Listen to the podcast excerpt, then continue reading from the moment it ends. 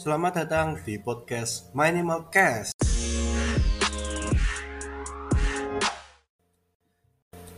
Hari ini kita akan membahas sebuah topik yang mungkin bagi sebagian orang menarik, tapi bagi sebagian orang itu kayak apa sih? Kenapa kau harus bahas itu? Jangan bahas itu lagi di depanku. Ya, itu kita akan membahas sebuah topik yaitu kehidupan. Banyak orang mungkin ada yang menjadi tertarik, ada yang menjadi antipati, dan juga ada yang hmm, mungkin karena pengalaman yang dia alami. Nah, jadi kenapa kok saya mena tertarik untuk membahas topik ini? Kita tuh sekarang sedang hidup, kita masih bernafas, kita masih hidup. Contohnya, buktinya lah, jangan contoh. Buktinya, sekarang ada masih atau sedang mendengarkan podcast ini. Itu sebuah bukti nyata kalau Anda sedang hidup. Kenapa kok terdengar ini kayak itu loh kamu udah usah bilang ya pasti aku tahu aku sedang hidup. Ya mungkin bagi Anda itu sesuatu yang wajar. Oke lah, kamu ngomong sesuatu yang nggak perlu dikatakan. Tapi berbagai atau beberapa orang yang lain, kalau Anda melihat sekeliling Anda, pasti ada yang merasakan oh aku tuh sudah nggak hidup. Aku ya hidup-hidup mati gitu. Kayak bagaikan sebuah tanaman yang sudah mulai layu menguning tapi masih nempel. Tapi aku nggak jatuh. Nah ada orang yang merasa kayak dia itu sedang kayak aku cuma di cangkang kosong. Tubuhku ada tubuhku masih segar tapi jiwaku sudah kering. Aku sudah tidak merasa waktuku tuh jalan. Aku sudah kayak di sini menanti hariku tiba untuk meninggalkan kehidupan ini. Jadi kayak sekarang sudah ini loh, waktuku sudah nggak ada, aku sudah nggak hidup. Jadi bagi teman-teman yang tidak merasa seperti itu, merasa kayak tadi statementku di awal, tidak perlu bersyukurlah Anda masih merasakan indahnya kehidupan. Anda masih merasakan hidup ini belum sia-sia. bukan berarti aku mengatakan anda akan merasakan hidup ini sia-sia atau untuk merasakan hidup ini sia-sia. Tapi ada loh orang-orang yang merasakan seperti itu.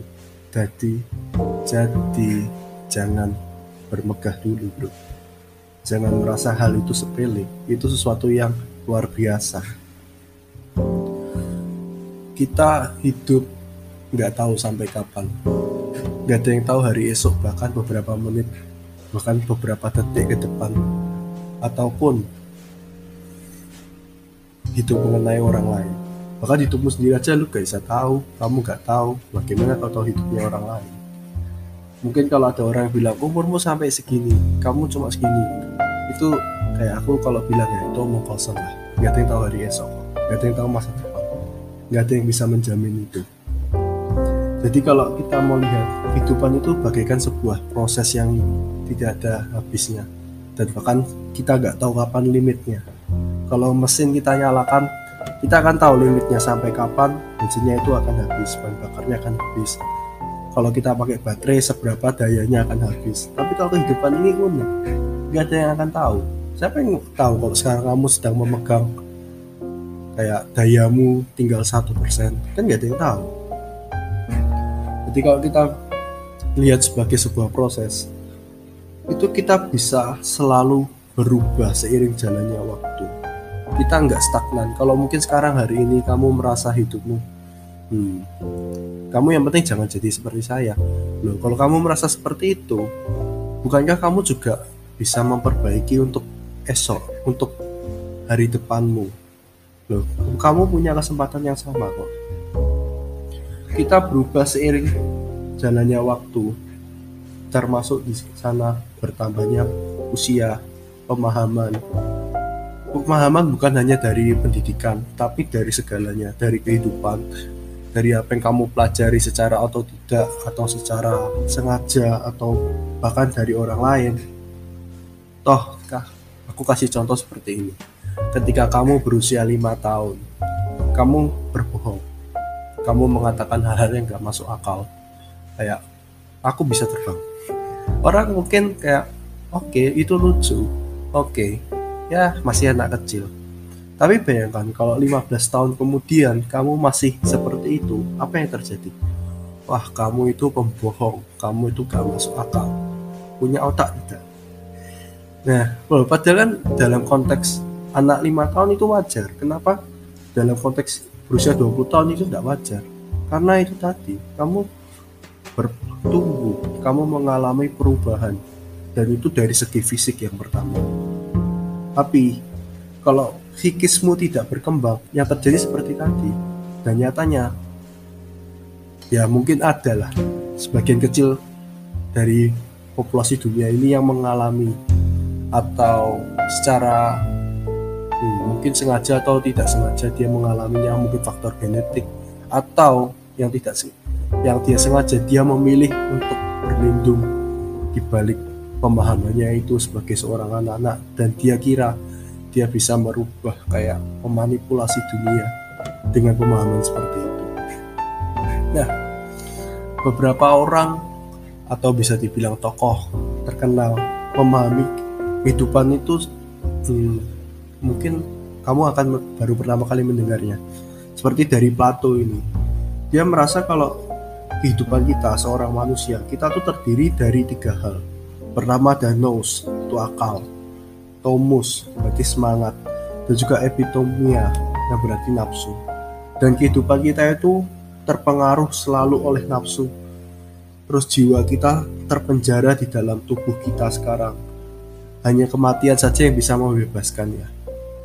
Atau seperti tokoh Demokritos yang melihat kalau kita itu adalah sebuah materi iya tubuh dan jiwa kita cuma jiwa itu lebih halus Nah, itu aku perlu tekankan lagi di awal, itu pemahaman menurut mereka. Dan itu memang uh, boleh kamu yakini, boleh kamu tidak. Kita bebas untuk memilihnya dan itu bukan sesuatu yang absolut untuk kita yakini benar. Karena kita bisa mengujinya juga kan. Jadi kehidupan kita tuh selalu membentuk atau kalau ditarik lagi lebih dalam membentuk dimensi dimensi apa? Dimensi kebahagiaan dan penderitaan serta dimensi eksistensi dari kita seorang manusia. Dimensi kebahagiaan dan penderitaan. Kita tuh hmm, mungkin banyak dari kita yang sulit untuk memahaminya ya. Kalau kita mau bedah, ini mengenai apa? Mengenai apa yang kita pahami. Mungkin kayak kita memegang paham. Hmm, materialisme. Aku melihat itu hmm, sebagai material. Atau idealisme atau rasionalisme atau irasionalisme atau konsumtivisme atau hal-hal yang lain. Kenapa kok saya tidak sebutkan semua? Ini selalu berkembang seiring jalannya waktu seiring jalannya kejadian seiring jalannya keinginan manusia. Kayak orang zaman dulu apa mengenal feminisme? Mungkin ada beberapa yang tahu tapi belum seterkenal sekarang. Mungkin pemahaman-pemahaman selalu itu selalu ber, uh, berkembang bertumbuh bermunculan satu demi satu. Dan mungkin nanti akan membentuk banyak sekali pemahaman. Nah kalau ditarik lagi jadi sebuah kesimpulan pemahaman ini membentuk sebuah cara pandang kita bagaimana kita melihat sebuah realita dari dimensi kebahagiaan dan penderitaan. Ibaratnya seperti sebuah kacamata. Kalau kita menggunakan kacamata dengan lensa bening, maka kita akan melihat semuanya itu dengan jelas. Tapi kalau kita melihat dengan lensa biru, maka semua yang kita lihat akan tercampur dengan warna biru seperti warna putih kita akan melihat sedikit tercampur dengan warna biru. Maka kita akan sulit sekali untuk melihat kalau itu warnanya putih. Bukan berarti aku bilang ini salah. Tapi saya yang maksud di sini itu mempengaruhi bagaimana kamu melihat sesuatu yang nyata di depanmu visual di depanmu. Atau dimensi yang kedua eksistensi dari manusia. Banyak tokoh-tokoh terkenal mulai memikirkan dari mana kita berasal, untuk apa kita hidup, dan lain-lainnya. Ambil contoh dari seorang Charles Darwin dalam bukunya The Origin of Species. dia tuh mengatakan kalau kita berasal dari eksistensi kita berasal dari sebuah sel tunggal yang mengalami evolusi dan manusia itu berasal dari evolusi dari uh, kera. Namun ada juga tokoh lain yang berbicara atau mengutarakan pendapatnya bertentangan dengan Darwin atau mungkin sedikit kontras dari Stephen Hawking yang dia mengatakan teorinya Big Bang. Kita dari ketiadaan, dari nothing menjadi something. Atau dari agama-agama yang ada di seluruh dunia mencoba menjabarkannya. Mungkin saya nggak akan menyebut merek karena di negara kita Indonesia ini bisa menjadi isu yang cukup hmm, sensitif, jadi tidak akan saya sebutkan. Tapi ada agama yang mengatakan kalau kita itu sudah ada dari sananya, cuma kita itu terikat oleh sebuah ikatan rantai siklus kehidupan terus menerus dan ke kita tujuan hidupnya kita eksistensinya kita itu untuk lepas dari ikatan rantai tadi. Dengan cara apa? Kita menghilangkan segala keinginan yang membelenggu kita. Keinginan dunia kita yang mengikat. Jadi ketika kita sudah tiada suatu hari nanti kita akan tertarik lagi dalam siklus itu selama kita masih punya ikatan. Tapi ada juga yang lain. Memahami kalau kita itu manusia diciptakan. Namun kita sudah cacat sudah produk gagal ya bukan produk gagal juga. Tapi kita sudah rusak mengalami kerusakan. Tapi ada yang memandang satunya itu kita harus melakukan sesuatu untuk menebus kerusakannya kita kerusakannya kita. Tapi ada satu juga yang memahami kalau kita tuh tidak perlu. Kita tuh sudah dari pembuatnya itu yang uh, memperbaiki kita, menebus kita dari kerusakan yang ada. Pemahaman-pemahaman ini sangat banyak dan sangat berkembang. Ambil lagi satu contoh dari seorang pemikir agama tertentu, so, namanya C.S. Lewis. Dia mengatakan, saya mempercayai keyakinan saya seperti saya mempercayai matahari sudah terbit Bukan karena aku melihatnya langsung atau aku melihatnya, tapi karena itu saya bisa melihat semuanya. Berarti kalau kita bisa rangkum, tarik lagi jadi sebuah benang. Ini dalam kehidupan kita, bagaimana cara kita memandang itu mempengaruhi segala yang kita ada dalam dalam kita bertindak segala aspek kehidupan kita mau bertindak seperti tadi mau memegang nilai, mau memahami, mau apa pun itu, kita terpengaruh oleh itu. Seperti yang ilustrasi tadi saya sampaikan, kacamata dengan lensa. Tapi tidak semua orang tuh memikirkan mengenai ini. Padahal kalau tadi kita lihat itu penting sekali kan. Bagaimana sebuah lensa itu, kacamata itu mempengaruhi cara kita memandang tapi tidak semua orang itu mau memikirkannya atau belum sempat memikirkannya jadi banyak dari kita mungkin saya sendiri ketika menjalani kehidupan ini kita lupa. Lupa hari ya kan? Kayak setiap hari jalan terus bekerja terus berkahulik atau eh kok sudah minggu ya? Kok sudah senin ya? Jadi kayak setiap hari itu kayak kita jadi mesin produksi diperbudak oleh kehidupan. Atau kalau kita nggak terbudak oleh kehidupan ketika kita misalnya berkumpul bersama teman-teman bersama siapa pun itu pasti adalah orang yang secara hmm, mungkin kalau kita amati dengan serius ini tuh dia enggak engage sama kita. Dia tuh malah kayak bermain HP atau matanya tuh kayak nggak fokus. Mungkin karena apa? Karena apa ya yang kita pikirkan saat itu kita sedang terikat diperbudak oleh hal lain. Mungkin dengan kecerdasannya kita mungkin dengan segala urusan yang ada atau seperti yang tadi kita terbudak oleh pekerjaan kita sehingga kita workaholic. Lucu kan? Bagaimana semua hal itu dipengaruhi dengan cara kita memandang. Ambil contoh lagi lah, John Galt dalam bukunya Life Between Buildings. Dia membagi sebuah kota itu dengan dua istilah, arsitektur 60 km per jam dan juga arsitektur 5 km per jam. Yang dimaksud John Galt yang di sini, ketika kita bicara mengenai arsitektur 60 km per jam, kita tuh berbicara mengenai orientasi ke jalan. Orientasi jalan tuh gini. Jadi semuanya itu kayak yang kita amati sekarang lah di Indonesia. Kita jalan diperbesar. Jadi apa-apa kita lalui dengan kendaraan, transportasi pribadi.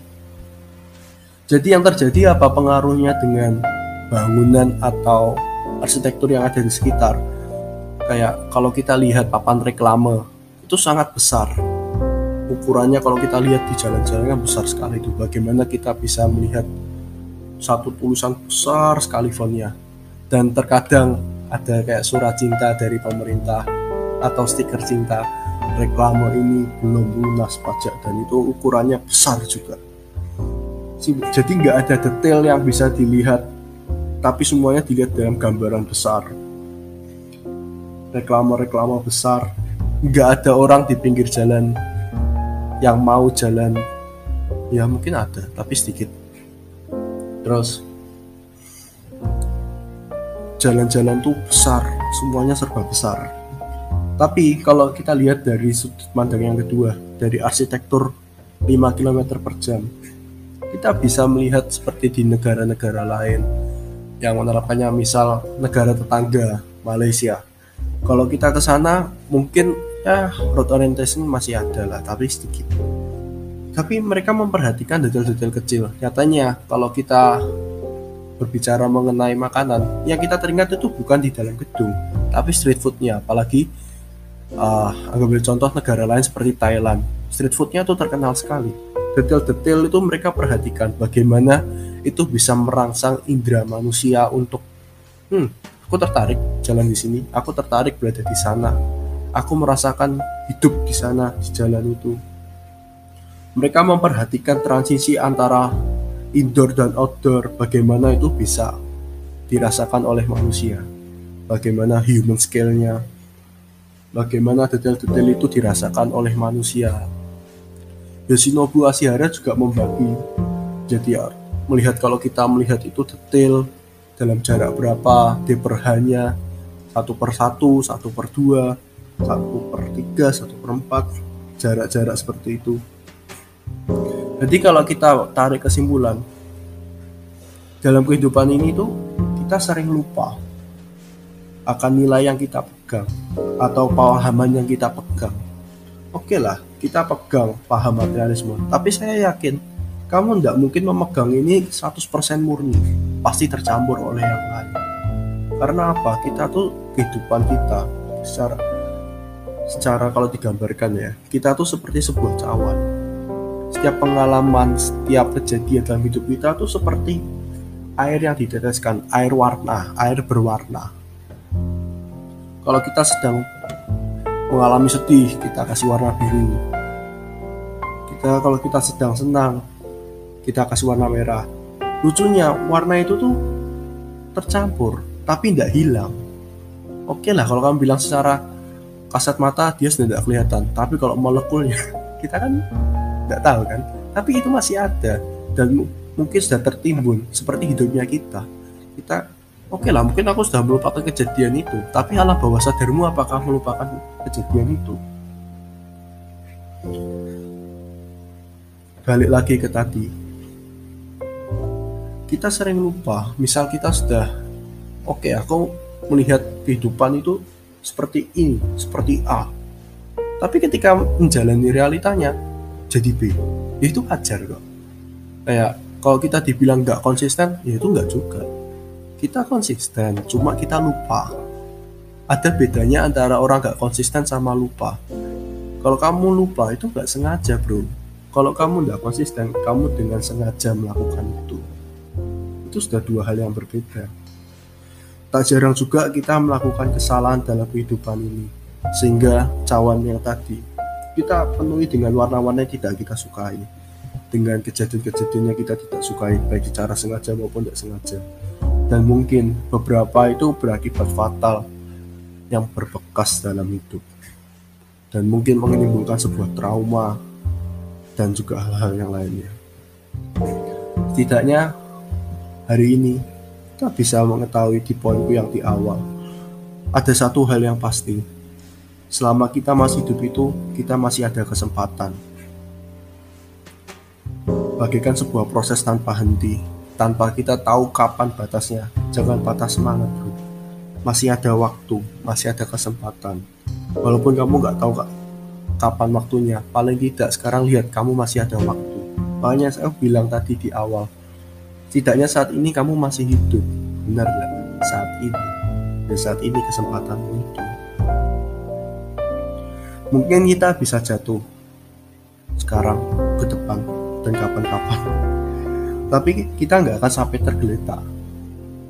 Kita boleh hancur tapi nggak sampai remuk kita masih ada kita masih nyatanya kamu walaupun seapes apa pun kamu sesial apa pun kamu masih hidup kok nggak sampai meregang nyawa kan kita semua mendapatkan anugerah yang sama terlepas dari apa yang kita yakini dari apa yang kita pandang. Boleh kamu sebagai seorang teisme atau ateisme apa pun itu tapi ingat kita semua punya kesempatan yang sama. Kita punya anugerah yang sama. Contoh tergampang. Matahari itu terbit. Matahari itu menyinari bumi. Kamu dapat sinar aku dapat sinar. Dia orang yang jahat dapat sinar dia orang yang baik dapat sinar dapat merasakan matahari itu merasakan panasnya hangatnya berarti apa semua orang mendapatkan yang sama. Enggak mengenal kamu siapa, rasmu apa, hartamu apa, kekayaanmu apa. Dan apa pun itu yang label yang kamu pegang sekarang dan yang kamu pegang berhalakan dalam hidupmu itu tidak akan mempengaruhi apa pun itu. Boleh kamu bermegah, tapi ingat kamu nggak lebih dari yang lain. Kita sama, kita sederajat. Jangan pernah menyerah, selalu ada kesempatan. Meskipun sekarang belum terlihat, tapi nggak ada yang tahu hari esok.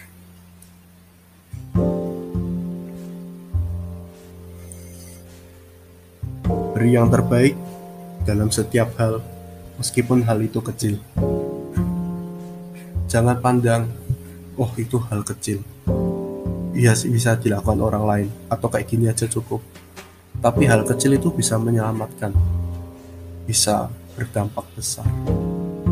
Seperti ambil contoh ada seorang yang mungkin dalam keadaan terbaring sakit di, ambul di dalam mobil ambulans menuju ke rumah sakit. Memang ketika jantung itu sudah berhenti, apa yang kita bisa lakukan? Kita tidak bisa paksa dia untuk berdetak kembali. Tapi terkadang ketika kita coba untuk ngejam jantung itu kita bisa memungkinkan membuka sebuah kesempatan baru bagi seseorang itu. Meskipun 50-50 karena kita nggak bisa memaksa itu untuk bertak lagi. Kita tidak memaksa kontrol dari kehidupan itu tapi paling tidak yang kita bisa lakukan usahakan memang ada kala-kala tertentu batas waktu tertentu. Tapi paling tidak, apa pun yang ada sekarang, kamu usahakan semaksimal mungkin. Kamu nggak tahu apakah itu akan berhasil atau tidak. Tapi yang terpenting, usahakan terlebih dahulu.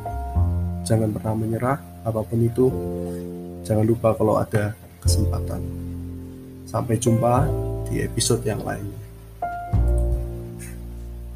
thank you